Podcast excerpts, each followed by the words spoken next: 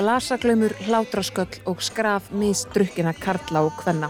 Barst út úr leifspar og blandaði saman við enn ómstríðari kokteila vinsalum poplugum úr sjálfverkum glimskratta.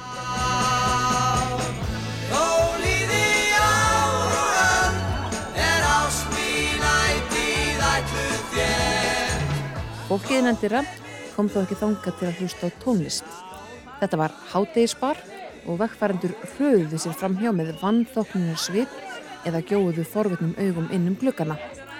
Barinn tilherði veitningastanum Hábæ sem stóð erst á skólaförðuholtinu. Svo nærri hálf byggðri kirkjunni að stundum ráðuðu ölvaðar gestir yfir og köstuði af sér vatni í verðandi guðshúsinu. Barinn voru salt á melli stjætta og stöðu, á melli myrkurs og ljós. Þarna skemmti sér í miklu návíi, skrautlegur samsöfnuður hára sem lára fólks sem paldi óþart að spara áfengið fyrir kvöld og helgar. Það verða ekki öll vín betri þegar þau eldast. Nýbúið líklega að henda megasjóðir en eina ferðina eins og hann söngum sjálfur. Síðan láréttum í hunsta sem þar verðir mér varfuð á dyr. Inni við barinn þennan dag stóðu tveir náungar í hróka samræðum. Barþjóttnin, Magnús Guðjónsson, sperti eirun þegar hann hyrði allt í innu í gegnum reikfyltan kliðin, nafn sem hann kannadist vel við. Já, og svo drápur hann helviti, segir hann, og hlægir á insvöginu. Og ég segir henni, hvað, hvað er það að tala um, segir. Já, þá nefndi hann Ekkert Jónsson og ég náttúrulega hjó strax eftir því að hérna þarna. Að tala um tengdapappa sem ég hef nú aldrei hitt sko, því hann var dáið þá. Magnús starði undrandi á gestin og hristi þessa skriktnu og óvæntu fulleringu af sér sem eitthvað drikkuraus. En setningin satt samt í honum og leta hann ekki friði. Þegar vinnudeginum laug og heim var komið ákvaðan að segja þáverendi konu sinni, Margreti Eggertsdóttur, varfallinslega og heikandi hvað kunin hafði sagt. Kannast hún við að þetta væri satt. Margret kom af fjöllum.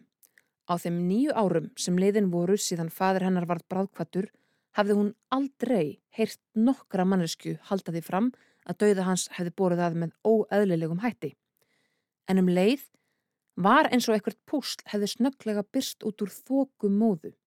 Púsli mynd sem hafði svo lengi verið ófullkominn og óljós og hún veld svo lengi og oft fyrir sér án þess að skilja til fulls. Gat virkilega verið að pappi hennar hefði verið myrtur.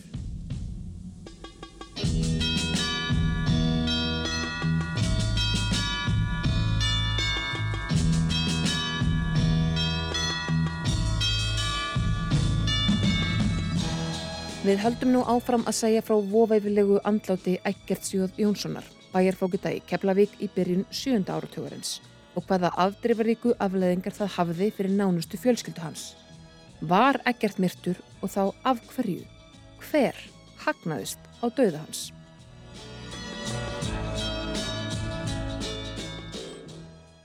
Við erum frjálsfjóð í frjálsulandi. Þetta er fagur og fagnaðaríkur dagur. Skömmu eftir að Íslandingar stopnuðu líðveldi í úrhellis rigningu á þingvöllum starfaði þingmannssonurinn Eggert meðfram laganámi sem þingreitari í Alþingishúsinu. Þar kentist hann ungri og laglegri stúlku frá Suðurlandi, Sigriði Tegotúru Árnadóttur frá landsveit í Rángarvallarsíslu. Úr varð að þau fældu hugi saman, giftust og eignuðust þrjú börn, Jónínu, Margreti og Árna. Eggert lög lagaprófið með fyrstu engun og fegst við ímistörf eftir útskrift úr laganáminu, var meðal annars reittstjóri blaðsins Íslandings á Akureyri, lögfræðingur útvegsbankans á Akureyri og framkvæmdastjóri landsambands yðnaðamanna. Hörð baráta var sögð háð bak við tjöldin um að hann fengi nýstopnað ennbætti verðgæslustjóra hösti 1950. Ennbætti sem spyrna átti gegn okri og lélegum vörum en af því var þó ekki. Þá var hann fyrsti endurskoðandi yðnaðabankans. Eftir sigur sástæðismanna í bæjarstjórnarkostningunum í Keflavík 1958 var hann svo ráðinn sem bæjarstjóri og þangað flutti öll fjölskyldan. Börnin aðlöguðust ágætlega stemningun í bænum, egnuðust vini og reyndu að verða hluti af bæjarbrag sem um margt var sérstakur. En þó að börnin hafi kunnað ágætlega við sig, mátti ekki sömusugu segja um móður þeirra. Mamma var, hún var ekki sattuð að vera þarna henni leittist. Hún, hún vildi ekki að hann svona fá að hafa eitthvað meira um að vera. Um, en þó hún þverneitaði fyrir því setna þá sá hann við mér, veist að margur mér maður fylgir alltaf manninu sínum. Svo þegar ég baraði upp á hann að setna þá, þá, þetta hef ég aldrei sagt.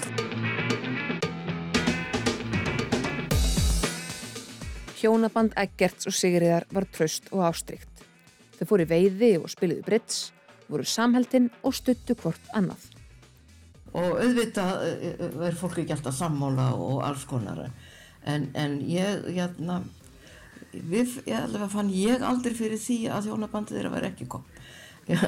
Án og gamlu ástabrifið þeirra þegar þau voru í tilhugalífinu, það, sko, það er bara indislegt. Það er indislegt. Hún, já, hún var gladlind og hún var stríðin og rekkjótt og, og skemmtileg og að maður les brefið þeirra sko þá voru eldheitar ástarjáfninga frá pappa meðan að hún saði frá skemmtilegum aðtökum skiljuðu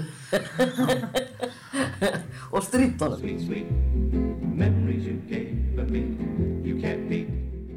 Jæja elskan mín.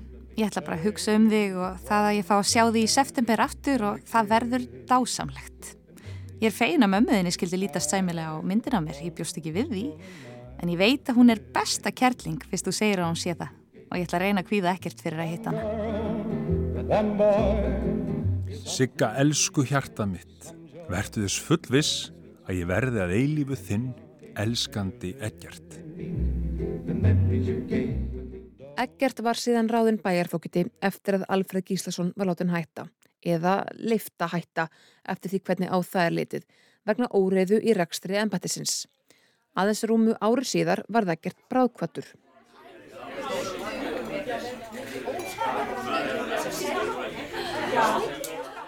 Hann hafði farið í veistlu í heimahúsi í Keflavík á lögadagskvöldinu, þegið þar í glas og strax næsta dag kent sér megin. Fjölskeldan fór í sundagsbíltúr, kikti við á herstamannamóti á Þingvöllum og í stutta heimsók til yngstu sýstur Sigriðar í Reykjavík að því loknu. Þar byrjaði ekkert að kvarta um að hafa verið allan daginn með ónót og verki innvortis.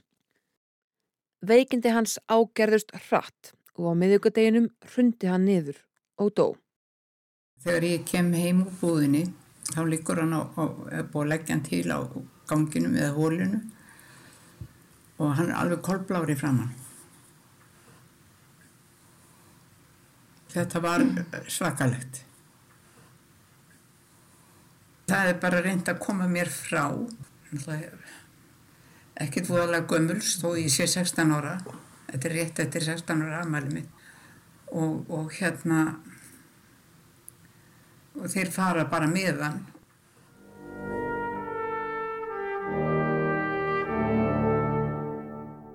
Eginkona hans og yngsti sonur Árni, 6 ára, voru heima þegar andlátið bar að höndum.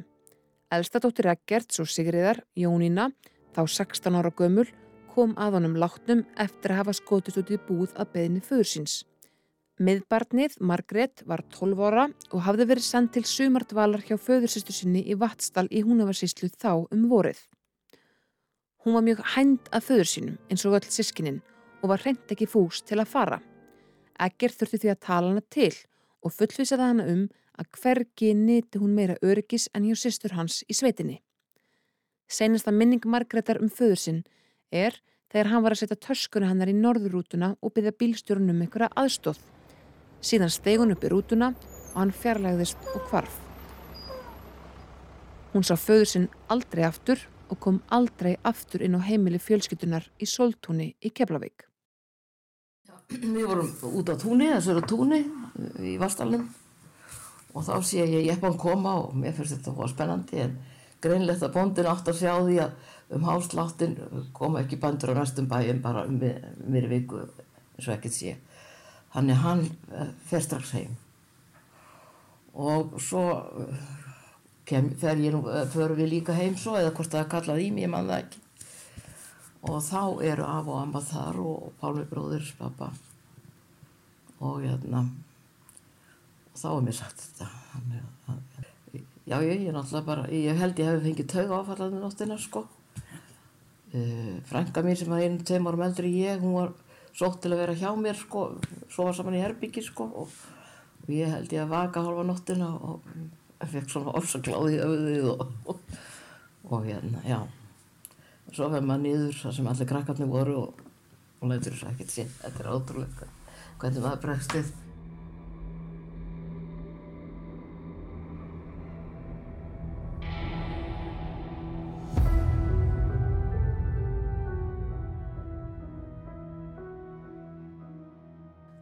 Jón K. Jóhansson, sjúkrahúslegnir í Keflavík, fór fram á réttarkrupningu og sendi ennbætti bæjarfókita í Keflavík þá beðni áfram til rannsóknastofu Háskóla Íslands í meinafræði.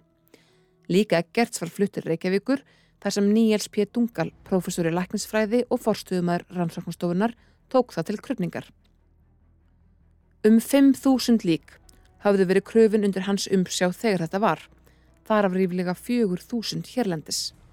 Það smá geta að árið 1962 voru gerðar 50 réttakröfningar á Íslandi af tæplega 1240 döðsföllum það ár. Réttarkröfningar eru gerðar við óvænt döðsföll þegar engin sjúkdómsaga er til staðar og undir þar falla manneskur sem andast skindilega, verða fyrir slesi, svifta sér lífi eða eru myrtar.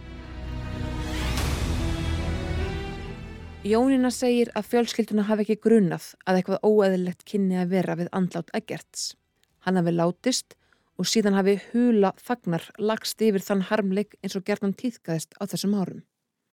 Á þessum tíma, þó það sé nú kannski ekki lengra heldur en þetta, 60 ár, að það var ekki til að tala um hlutina. Þetta var bara búið og það var ekki rætt. Níels tók til óspildra málana í kjallara rannsóknastofu Háskólans við hliði landsbyttalans en þar hafði hann styrt krupningu í tæpa þrjá áratugi. Hann lísti þessari miðstuð meinafræði á Íslandi eitt sinn svo. Hér deyr enginn, hingað koma menn döðir. Þegar aðstæðan var fyrst tekinni nótkun var gagsum hennar og tilgangi líst svo. Í kjallaranum er líkskurðarstofa, þó að rannsóknirnar sem þar eru gerðar leiði hugan að daburlegum endalokum mannlífsins, finna aðkomumenn sem heimkynni þessi sjá ekki til þess. Því þar er fyrst og fremst um að ræða vísindalega rannsókn. Þar veita hinnir látnu eftir komendunum tækifæri til þess að grand skoða og læra margt um sjúkdóma, líðan og vannlíðan manna. Á líkskurðarstofum, þar sem mörg lík eru kröfin, fá læknarnir mikinn fróðleik um líf og heilsu manna, fróðleik sem annars færi sem hulin leindardómur í gröfina.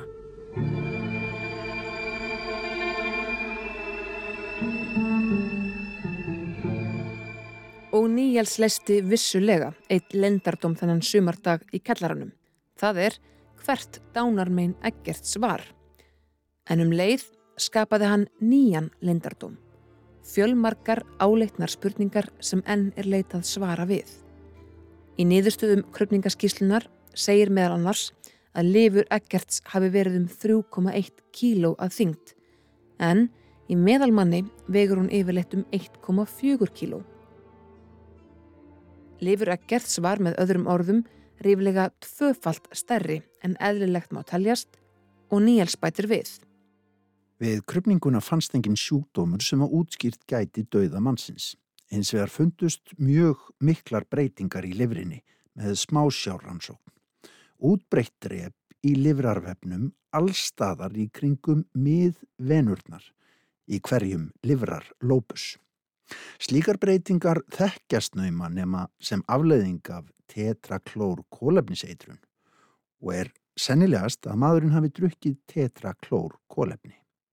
Eftir útliti livrarinnar gætu hafa liðið tveir til þrýr dagar frá því hann drakk eitrið en eitt sopi af því getur nægt til að valda bannvætni eitrun. Yðra kvalinnar sem maðurinn hafði hefur sennilega verið afleiðing af sömu eitrun. Tetraklórefnið sem Níels nefnir sem líklegustu orsök á dauða Eggerts var aðalega að finna í svo kalluðu blettavatni en það mátti finna á þorra heimila landsmanna á þessum tíma. Blettavatn var hægt að kaupa í flestum livjabúðum, bensinstöðum og byggingavöruverslunum, jafnvel í maturverslunum. Blettavatn er kröftugt leysiefni sem hreinsar til dæmis upp fytu og matarbletti og er baneitrað, hvort sem það er drukkið eitt og sér, blandað í annan vökva eða ef gufunum er andað að sér í lókuðu rými. Þess má geta að Níels hafði sérþekkingu á tetraklórkólefni og tetraklórmetan, hafði rannsakað vandlega áhrif þess á búpenning og þá hafði rannsaknumstofa háskólans í meinafræði um ára byl selt tetraklórmetan til þess að eigða innibla ormum í búpenningi, engum söðfjö. Níels þekkti því ákaflega vel til efnisins og ummerkjana sem það skildi eftir sig við intöku.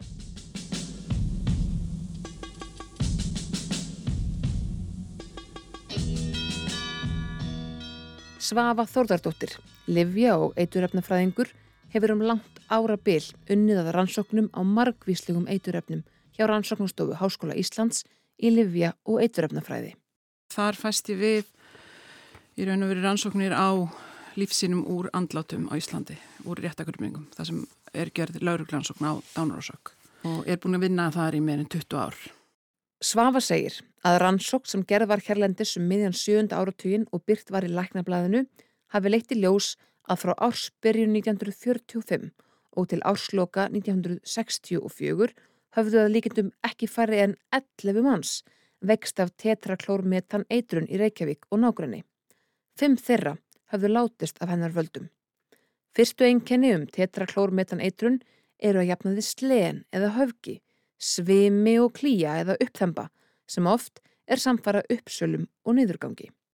Og þar er líst 11 málum þar sem að kallmenn, allir kallmenn fá alvarlega eitrun, fimm af þeim eru látnir og henni lifa eitrun af eftir mjög langa dvöl og spítala. Þetta er alvarlega eitrun á þeim tíma.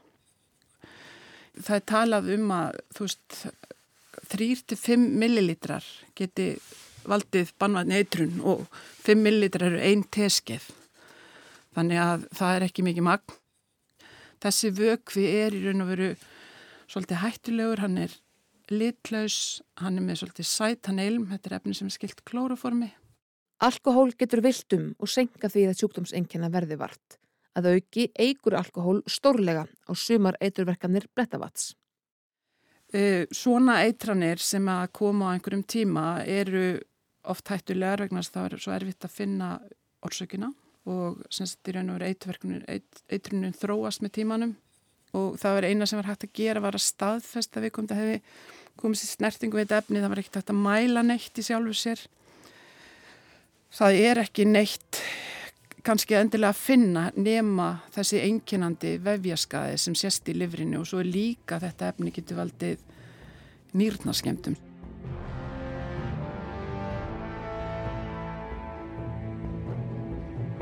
Þar sem ekkert var látin var veitasköld aldrei upplýst til fulls hvort hann hefði drukkið eða andað að sér tetraklórmetani eða ekki. Engað síður er afskaplega líklegt að hann hafi einhvern veginn innbyrt þetta háskalega efni sem er í góðu samræmi við klínisk enkenni og niðurstöðu vefjaransóknar eftir andlát hans. Jóninu létti ögn þegar hún mætti í kisturlagninguna og sá að einkennilegi blái liturinn sem verið hafði á litarhafti föðurinnar nýlátnum hafði færst til betra horfs. Svo þegar að hérna kistulagningar, þá er hann búin að fá aftur svona eðlilegan lit. Ég, kannski hefur það verið sminkað á hann, ég veit ekki, ég held samt ekki. Jarðarförun var síðan haldinn 27. júli, nýju dögum eftir andlátið. Margrét fekk að skjótast úr sveitinni til að vera viðstödd aðtöfnina. Ég fór með föðsýstu minni, ég var hjá henni í sveitinni, fórum í bæin og ég gist eina nótt í Reykjavík og fór aldrei inn á þetta gamla heimili mitt eftir það. Nei. Ég var í sveitinni áfram og svo flutti mamma á meðan ég áður ég kom heim sko. Þarna upplýði hún áfall eftir áfall. Fyrst andlátt föður síns og svo að stiga aldrei fæti inn á heimilisitt í Keflavík. Margaret segir að hún hafi raun farið á sjálfstýringu og fókusin beinst fyrst og fremst að móður þeirra. Ég veit ekki hvernig fór maður í gegnum þetta samt sko.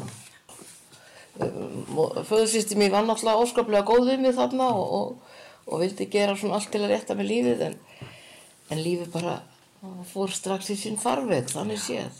Og svo ætlaði ég að neyta að fara heim, ég vildi ekki fara heim. Og, og hún, frænka mín, hún saði þetta hefði verið mjög erfitt en, en mamma hafði náttúrulega bara gengið fast eftir því að þetta kemi einn. Krupningarskísla Níelsar Dungal var samsnundis send ennbætti bæjarflókita í Keflavík. En af einhverjum óskiljanlegum ástæðum virðist það ekki hafa leitt til sérstakrar rannsóknar á andlátu Egerts. Þó svo að í skýrslunni kemur fram raukstutt og ákaflega trúverðug álöktun um að sjálfur yfirmaður ennbættisins hefði farist af völdum eitrunar. Að minnstakosti finnast engin gögn um að slíkar rannsókn hafi farið fram. Dóttursonur Eggerts og nafni Eggert Magnússon, lauruglumadur hjá ennbætti ríkislauruglustjóra, fór áratugum síðar að leita gagna um málið hjá hlutaðegandi aðilum og hafði þá meðal annars upp á kröpningarskíslunni eftir talsverða eftirgrenslan. Hann segir það sæta mikilli fyrðu að málið hafi ekki verið rannsakað til lítar. Í dag færu alla bjöllur í gang, sko, ef við hugsaðum þannig. Þetta er sennilega aðstímaðu stjórnsýslunar á þessu svæði og, og hérna á þeim tíma vantalega heilt mynd undir dónsmálaráðanöytið. Eins og í dag að þá hefði ennbættismæður að sama kaliberi sem hefði látið svona það, þetta hefði verið kröfuð algjörlega til merkjar sko.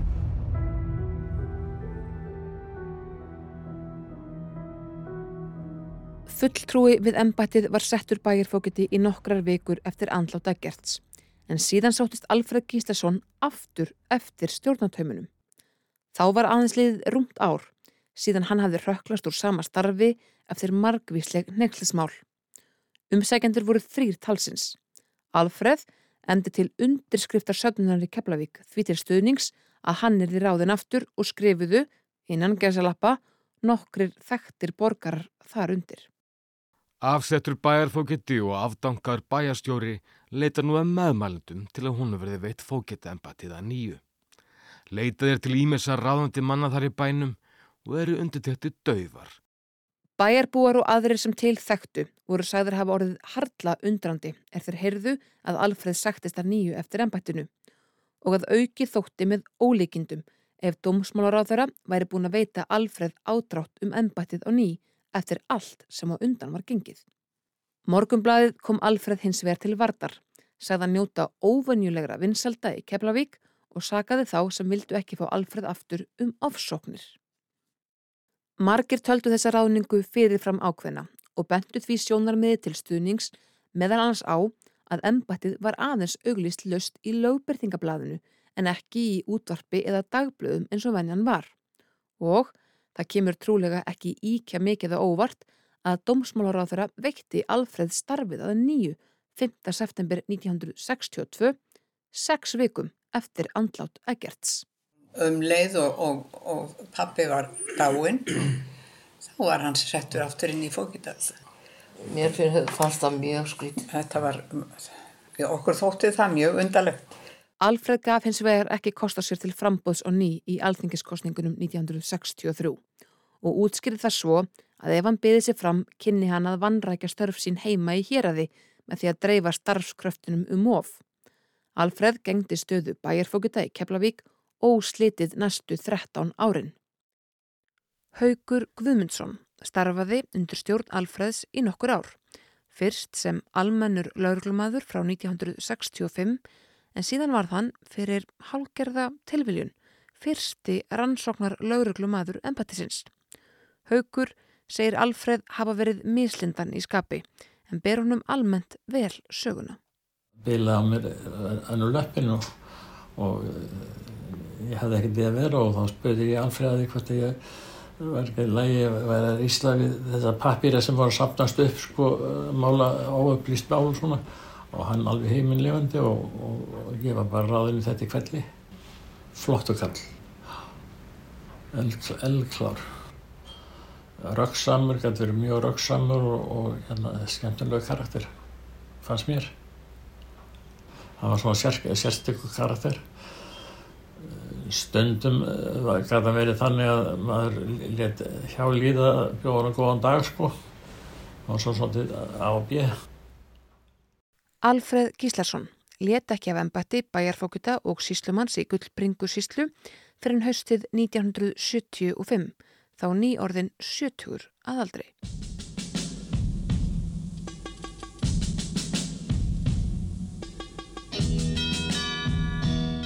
Undirstryka þarf hér vel og vandlega að alls ekki er verið að íja að því að Alfred hafi átt nokkur þátt í andláti Eggerts. Þvertamóti virðist samstarf þeirra hafa verið með ágætum á bæði vettvangi bæjarins og sjálfstæðisflokksins í kjördaminu. Þannig satt Alfred í efstasæti frambáslista flokksins í bæjarstjórnarkostningunum voru 1962 og Eggert í því þriðja. Alfred skrifaði hjartnama minningagreinum Eggert og segir þar meðal annars. Við Eggert störfum mikið og náðu saman í sambandi við bæjamálinn. Eggert indi bæjastjórnastarfið að hendi með mikill í príði og vakti það aðtilli okkar allra bæjafulltrúa hversu ótrúlega fljótur hann var að kynast til lítar öllum staðáttum og hinnu margvíslu og oft flóknu vandamálum sem ættið er að glíma við í slíku starfi. En það var hann aðtugut vel og miklum gáum getur. Hann eh, aflaði sér strax mikils álits og virðingar allra bæjafulltrúa hvar í flokki sem þau voru og vinsaldir hans meðal bæjabúurðu meir og meiri eftir þessum áleið og þeir kynntust honum betur. Þegar Eggert lést var Sigriður 36 ára og stóð uppi eignalítil með þrjú börn ánstarfs eða mentunar. Hún seldi íbúðina í Keflavík innan fáveitna vikna, bjóðum tíma í leiguíbúð hjá vinafólki í Reykjavík en tókst síðan með stuðningi reglubræðra Eggerts í Áttfæló að kaupa íbúð í verkamannabústað í borginni. Það er sýstur segja að líklega hafi móður þeirra alls ekki geta hugsað sér að vera áfram í íbúðinni þar sem faður þeirra lést, auk þess sem henni hafi ekki fallið næjanlega vel andrumsláttið í Keflavík sem fyrir sagði.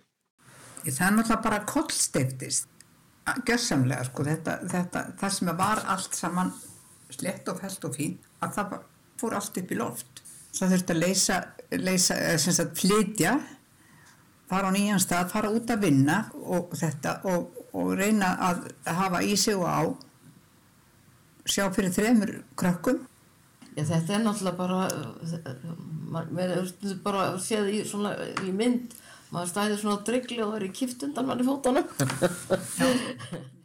Sigriður þurfti nú að sjá einsömmul fyrir börnunum þremur og úr varð að hún réði sig til að byrja með á saumastofu til frængu sinnar. Já, hún byrjaði á því að sauma. Já. Hún var snillingur í höndunum. Það voru skina börn þessi saumakona sem hún var að vinna hjá og hann ávantaði aðstofamannisku og hún satt, var þar þangað til að langaði að gera eitthvað annað og þá fer hún í skóbúðina og í framhald að því fór hún í, í búnaðabankan og þar það var Afi sem var Afi gekk í það, Já. Jón Afi. Sigriður átti eftir að vinna þar sem eftir var starfsæfinar í búnaðarbankanum lengst af sem fulltrúi í lánadeild. Á örfáum mánuðum fór hún frá því að vera bæjarstjórafrú og bæjarfókitafrú í Keflavík kona með virðingar stöðu í litlu samfélagi í að vera einstæð móðir, ekja, búsett í verkamannabústað og vann hörðum höndum fyrir lágar tekjur. En Sigriður getti þess að ræða þau mál ekki við börn sín, þó að eflust hafið þetta rap í þjóðfélagssteganum bæst við önnur áföll sem riðið höfðu yfir á stuttum tíma. Yfir lífi hennar, eftir ótíma bært og óvænt fráfall Eggerts, kvildi alltaf dökkur skuggi, ósvaraðar spurningar og djúbstað sorg. Hún brást við með því að leita hugunar í áfengi.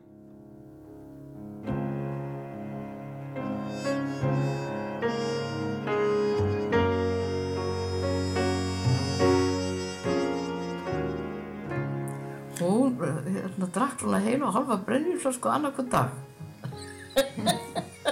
reyði svo upp daginn eftir og fór að vinna þá hún var ótrúleg sko.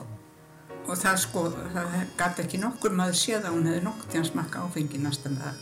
Þá dagar hún ekki drakk, þá var hún alveg óþólandi geðvond.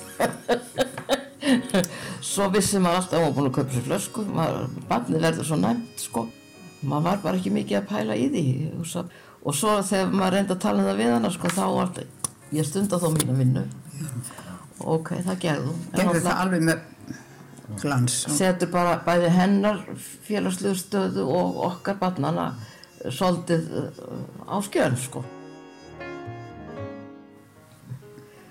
maður var alltaf opáslega reyður sem krakki ólingur yfir þessum aðstæðum en í dag þá skilja hana í rauninni lífið fór bara algjörlega bara kift undan okkur fótunum og hennis náttúrulega sérstaklega við náttúrulega börnin sko. En þetta var hennar leið til að takast á við sársökanuruglega til að deyfa, deyfa sig sko. Já, ég held að sko ef mamma hefði fæðst á þennu tíma þá hún er flott karriérkona sko. Sigriður forðaðist að tala um andlátt Eggerts við börn sín, en þó að hún hefði kosið að ræða málið ekki frekar, má gera ráð fyrir að logað hafi í huganar krafjandi spurning. Var maðurinn minn myrtur? Þetta er svo sem spurning sem við erum búin að hafa líka. Við, við höfum velt þessu fyrir okkur líka. En var Eggert myrtur? Afar ólíklegt má teljast að hann hafi drukkið blettavatni í ógáti og ekki rakið veikitið sinn til þess með nokkrum hætti þó að ekkert sé auðvitað útilokað í því sambandi. Miðað við fyrirleikandi lýsingar og hugar ásundi hans og geðslægi á þessum tíma, ánája hans með útkomu sveitarstjórnukostningana, bjartar framtíðar horfur og engalíf sem verðist hafa verið farsælt og haminguríkt, sínist ennþá ólíklegra að hann hefði drukkið bletta vatn viljandi. Þá er eðlilegt að velta fyrir sér þriðja möguleikunum og þeim eina sem er sagnæmur. Það er að einhver hafi vísvitandi laumað blettavatni í drikki og ekkerti til þess að beinlinis valdónum skada. Personleg óvild kemur vitaskuld til greina sem orsök slík sklæps, en af vittnisspurðum að dæma verðist ekkert hafa verið gethekkur og ákaflega vel liðin af heiðarlegum samborgurum sínum. Þá vakna óhjákvæmilega kníjandi spurningar um hverjir og hvers vegna einhver eða einhverjir einstaklingar í kepla vikuna ágrenni hefðu viljað vinna ekkert við megin, jafnvel að ganga svo langt að koma honum fyrir Katarnef. Rómverski lögspekingurinn Lucius Cassius, sem hafði það orð á sér í Róm til forna að vera heiðarlegasti og vitrasti dómarinn í Gjörvöldu ríkinu, var vanur að spyrja ítrekkað sömu spurningar í málaferlum. Hver græðir á glæpnum? Eða qui bono, eins og það er orðað á latinu. Qui bono. Qui bono! Þá er ekki verið að spurja hvers vegna írski söngverðin í U2 er eins og hann er. Það var efni annan þátt, jafnvel marga. En, frekar, hverjir hefðu hagnast á dauða Eggertsjóð Jónssonar í Keflavík og nákvæmni og voru því líklegri en aðrir til að vilja hann feigan. Þrýr hópar hagsmunu aðla blasa strax við og getur jafnvel hafa blandast saman í einhverjum tilveikum. Í fyrsta lagi. Þeir sem áður hafðu fram með lögbrott í skjóli Alfreðs og vildu hafa fyrirkomulag löggeslumála óbreytt á svæðinu. Í öðru lagi, þeir sem ekkert hafði tekið til rannsóknar vegna fyrirbrota eða stemdi á að rannsaka vegna mála sem upp hafðu komið eftir að hann tók við ennbætti. Einstaklingar sem óttuðust þar á leðendu um sinn hag ef hann fengi að halda ótröður áfram. Í þriðja lagi, þeir sem voru keppinutar að gerts eða óvildar menn á sviði stjórnmála.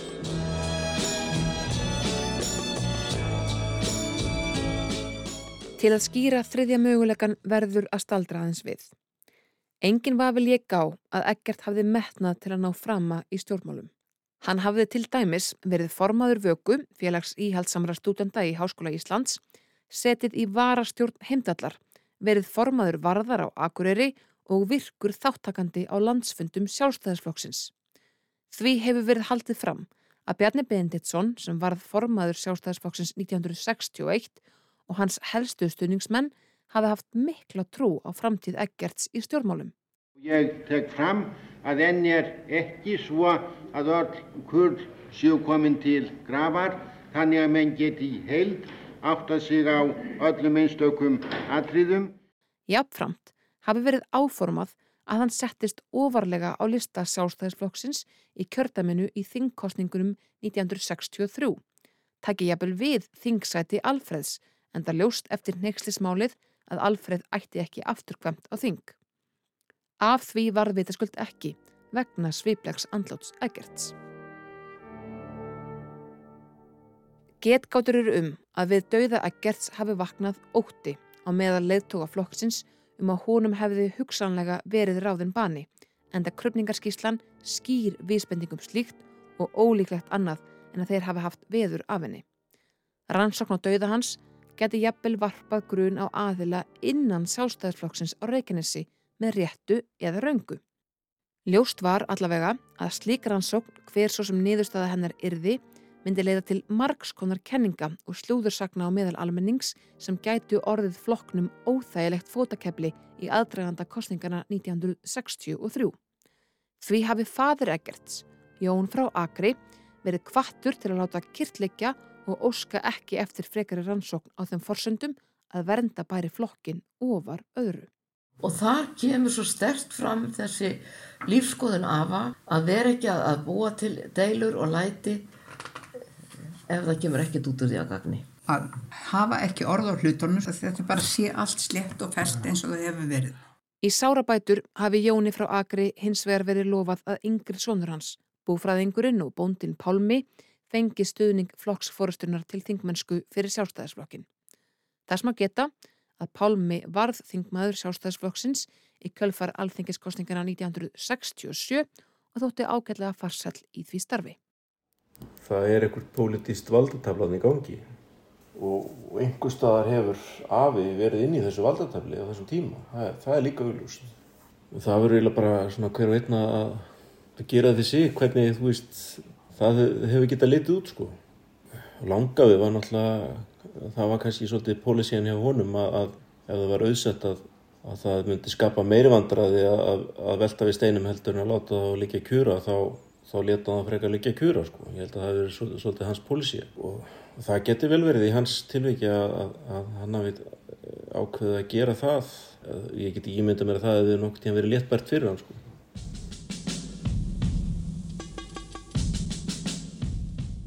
Þessi tilgáta verður trúlega sint sönnuð. Jón frá Akri varða vonum fyrir þungu áfalli við að missa svonsinn svo sviplega. En hann var þá komin á áttræðis aldur og hafði látið af fullir þingmennsku þremur árum fyrr. Af orðum hans í viðtali við Mattias Jóhannesson, skáld og reitstjóra, nokkrum árum síðar, má ráða að Jón hafði staðið í þeirri trú að dánar orsok Eggerts væru bráða veikindi en ekki að eitthvað gruggugt væri á seiði. Mesta áfall mitt í lífinu var það að missa Eggert minn á besta aldri og svo hastarlega sem varð. Hann hafði allæfi haft fyrir mjög góða helsu og ekki vita að hann gengi mér einn hættulegan sjúkdóm. Hann fjalli valin á óvæntan hátt frá starfi bæjarfókita, vekti snöglega og var dáin. Árið ég hafði hugmyndum að hann hefði vext. Það varð okkur fóröldurum og sískunum hans og fjölda annara mannar sorglegt og hörmulegt áfall. Tilfinnalegast þó fyrir koni hans og börn sem hefðu gert sér bjartar vonir um glæsilega framtíð og hafðu til að skilda ástæðum.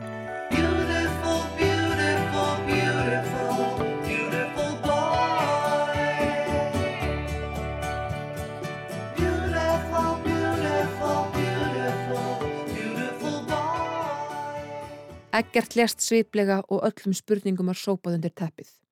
Málið lág síðan í þagnargildi fjölskyldunni þangað til dag 1 árið 1971 um nýju árum eftir að Eggert lest. Þá fekk Margret að heyra staðhafingu sem kominni algjörlega í opna sköldu. Maður hennar, Magnús Guðjónsson, var að vinna á veitingastanum Hábæ efst á skólabörusti. Já og svo drápur hann helviti.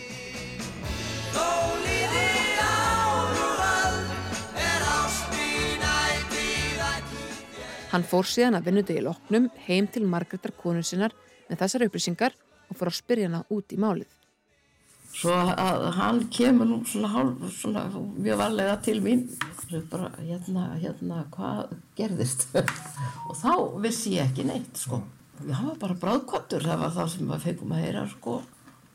Þannig en svo fórum við og, og, og, jæna, og uh, spurðum mömmu en hún vildi voða lítið segja sko. Sigriður brást á við tíðendunum með því að byggja Jónunu dóttur sína nokkur síðar að skullast með sér til Keflavíkur til að ræða við lækni þar. Þá var hins vegar Jón K. Jóhansson, læknirinn sem kallaður hafi verið til þegar ekkert lest, hættur störfum, í raun rakist úr starfi síð sumars 1970 eftir að hafa kvartað um gengdarlaust vinnuálag. Hún var því að ræða við þáverandi héraslækni sem þekkti lítið til málsins. Ég mátti náttúrulega ekki koma með henni inn, ég bara beigð og hún eh, var, sagði ekki mikið þegar hún kom út en hún var ekki sátt sko. Ég veit ekki hvað hann sagði eða svoleiðis en, en hérna hún reyndi að fá einhver svör hjá hann en fekk ekki. Það fær ekki svör. Og, og mér skilst hún hafi komið bara aðlókuðu dyrir hvað sem hún fóð þarna söðu frá með skorti. Hún gerir það. Eh, læknir sem kom til hans þegar hann dó Jón K. Jóhansson hann hafði sagt við hana ef þú vilt gera eitthvað þá skalstu tala við mig. En hann er flendur burt og kemlaðing það var, var allstaðar lokað. En það er svona þú veist það er bara eins og með ömmu líka skilur. Hún greinlega velur að fara ekki hart bara til þess að, að samfélagi á þeim tíma bauð bara hreinlega ekki upp á það að taka svona slag held ég og jáfnveg þó, þó þú væri með gott bakland sko. Þar sem Sigriður var fámálum svörin sem hún fekk eða þó frekar skortin á svörum ákvað Margret að ræða við móðursystu sína sem átti algjöran trúnað Sigriðar. Þessi elsta sýsti mömmur sem alltaf var stóðinur á stitta að hún sagði okkur frá því að pappi hefði komið til þar og sagt við hann að ef eitthvað kemur fyrir mig þá viltu þá passa upp á sig og börnum. Eitt af því sem sýstir mömmur segir mér er að þau hafi verið í bóði og uh, þau fá drikk og pappi kvartar yfir því að drikkunar sé, sé, sé eitthvað skrítið en í, í skýslinu segir eitt sopið sér ná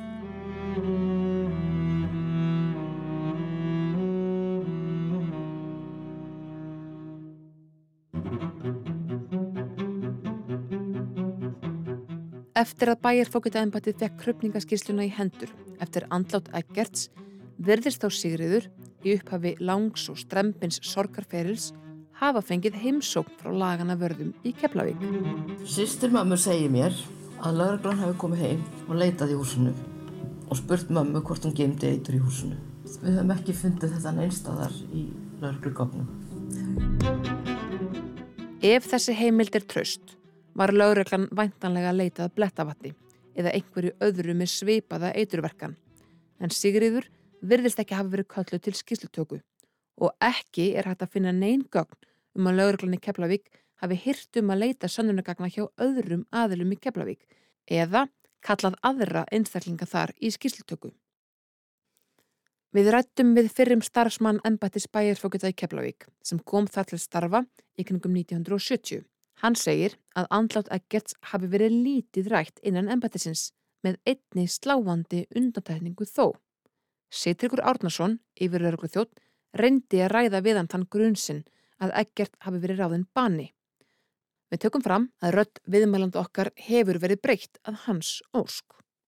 Seytryggur Árnason heitinn, hann því fram með mig og þetta sem hann Seytryggur saði, það held ég að það er bara eitthvað villisa. Þeim kom ekki saman Seytryggi og, og Alfred sko. Sko ég kem það bara tíu árun setna eftir að þetta gerist. Eftir að Egert sem sagt degir og þá uh, segir að þetta við með þessi maður. Og þá er mitt uh, spurði ég hvort að það er rannsakna hann sagði að það hefði ekkert komið fram sem að til þess Hann segir að yfirlauruglu þjóttnin hafi ekki nafngreint neitt sem hann teldi bera hugsanlega ábyrð á andláti Egerts Hann var ekki að benda á neitt en gaf í skín á alþjóðu stjórnæði og það fannst mér alveg að táraðegt vegna þess að vegna þess að alþjóðu tala alltaf vel um hann ekkert og það þannig að það að því liti til það spyrir þetta bara táraðegt ég leita á þetta sem svo Eða með öðrum orðum Yfir lauruglu þjótt embættis bæjarfókita var að íja því við annan starfsmann að yfirmaður embættis þeirra hefði með einhverjum hætti tengst andláti fyrrum yfirmanns embættisins.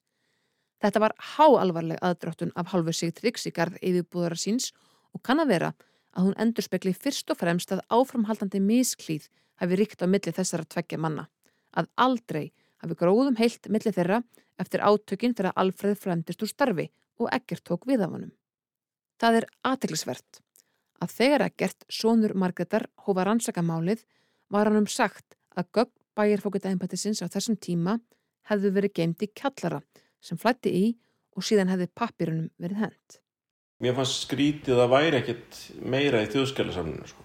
Mér var sagt að það væri mögulega en þá einhver gögn suðu frá sem að vegna einhverja regluna ætti að vera þar en þá. En ég gekk átti því þar og fekk þau suður að það væri ekki. En einhver tíman hérna árum áður hefði flætt inn í einhvert kjallara það sem fullt að gögnum frá bæjaf og geta einbættinu, slags síslumarseinbættinu hefðu, hefðu glatast í einhverju vassflóði. Það er svolítið magnað en já, já, svona sérstakt. Jón Einstinsson, fyrrum bæjarfókiti og síslumöður Keflavík, segir að um heil mikið flóð hafi verið að ræða, en hins vegar hafi ekki mikið af laurugluskíslum skemst að hann telji. Það var í minni tíð. Það skemmtust aðalega skipstjórnar skýstur um, um störfmanna á, á skipum eins og við held, höldum svo leiðskíslur. Það flætti alveg metershátt í kjallarann hjá og þar fór rosalega mikið af skjölum. Það, það var ekki mikið af laurugluskíslum sem skemmtust á. Þær voru geimdar á lauruglustöðin sem var annar staðar. Ef þessi hefur ekki verið synd, e, þá skil ég skil það ekki.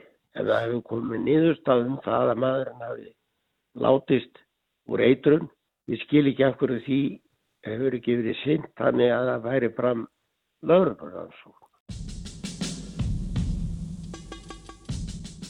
Eggert hjælt með krupningaskísluna til móður sinnar og móður sýstur. Orðin sem sögð hafðu verið á veitingastæðurum Hábæ áratugum fyrr, fengu nú enn meira vægi, enn alvarlegri hljóm. Jónina og Margaret segja að það hafi verið mikið áfall að lesa krupningaskísluna. Það er eiginlega ekki takt að lýsa því, mann er verulega illa við. Já, maður verður bara reyður og vannmáttugur og eitthvað neyr. Mann finnst þetta bara sko, eiginlega ekki að það ná yfir það. Nei, maður verður náttúrulega opáslega reyður og, og, og maður veit er ekkit við hvernig maður á að vera reyður og, og reyður fyrir að fara í alls konar áttir sem er kannski ekki gott heldur. Með krupningarskísluna í höndunum ákvað ekkert að leita til sérfræðinga til að fá frekari skýringar og faglegar skoðanir á innihaldi hennar.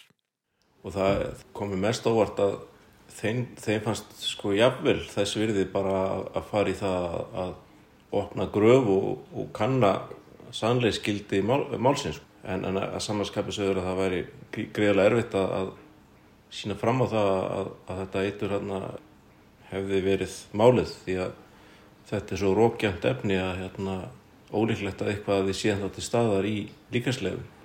Sisturnar segist hafa veld nýju upplýsningunum um andlátuð fyrir sér fram og tilbaka. Í framhaldi af uppljóstruninni kviknaði vitaskuld spurning hjá fjölskyldunni um hugsanlega geranda eða gerendur. Hver kynni að hafa viljað föður þeirra ílt. Já, jafnvel viljað hann fegan. Það má svo sem alveg bleið líkum að hérna, já, ef þetta hefur verið morða að það geti tengst einhver, einhvers konar valdabaróttu í pólitík eða, eða í tengslu við já, framgang sakamála og, og svo leiðis eða bara einhvers konar annars, annars konar valdabaróttu. Ég meina þetta er lítið samfélag og þarna getur verið í þessu búið að hafa verið eitthvað fólk sem var tengt mögulega sakborningum eða, eða tengt uh, einhverjum öðru sem að, já, getur að taka því að, að, að komunu frá. Það, það er líkur á því.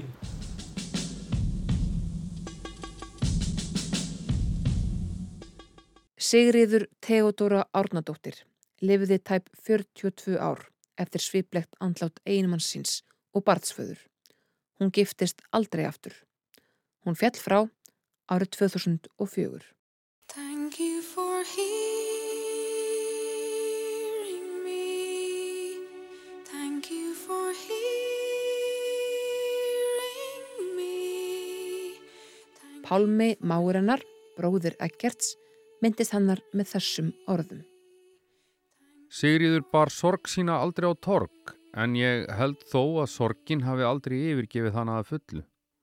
Aldrei heyrði hana þó æðirast eða kvarta yfir hlutskipti sínu. Ég hafði orð á þessu við hana eitt sinn og hún svaraði einfallega til hvers væri það?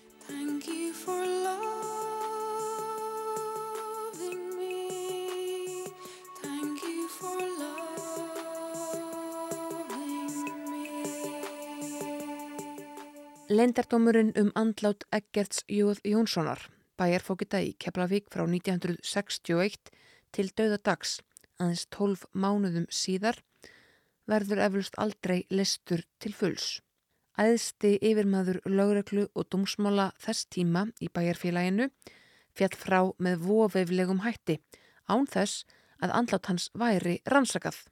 Krupningarskíslu helsta réttarminnafræðings landsins sem sagði afdráttarlust að banamenn bæjarfókitans væri sennilegast að völdum stór hættulegs eiturs var stungið undir stól. Dóttursonur hans og nafni segir að erfitt sé hins vegar að rannsaka til hlítar svo gömul mál sem andlátt eggerts er ónýtanlega þegar hugsanlegur vettfangur glæps er lungu raskaður eða horfin og fá eða engin vittni eru lengur til staðar. Morð fyrnist ekki en því meður getur tímin unnið með morðingum. Ég er svo sem alveg rætt um þetta meðal kollega sko en ég held að flest allir sem að hafa skoðað þetta eitthvað átt að segja því að það getur, getur mjög langsótt að reyna að rannsaka þetta mál í dag eitthvað. Eftirstanda trúverðugar og brínar vísbendingar um að dauði Eggerts hafi ekki búið að með eðlilegum hætti. Engin hefur verið dregin til ábyrðar og réttlatinu því ekki fullnægt. Hæpið er líka að hugsanlegur gerandi eða gerendur séu enn á lífi rúmum 60 árum síðar. En það er þá kvorki útlokað nýja ómögulegt að einhver staðar leynist meiri vittniska um hvernig dauða hans barað höndum. Við látum Margreti Eggertsdóttur eiga loku orð þessa þáttar. Og það sem maður hugsa líka bitur við var hann þá sá eini var þetta þá bara ekki hægt akkar fleirum og er þetta bara yfirlegt hægt að láta þetta við gangast.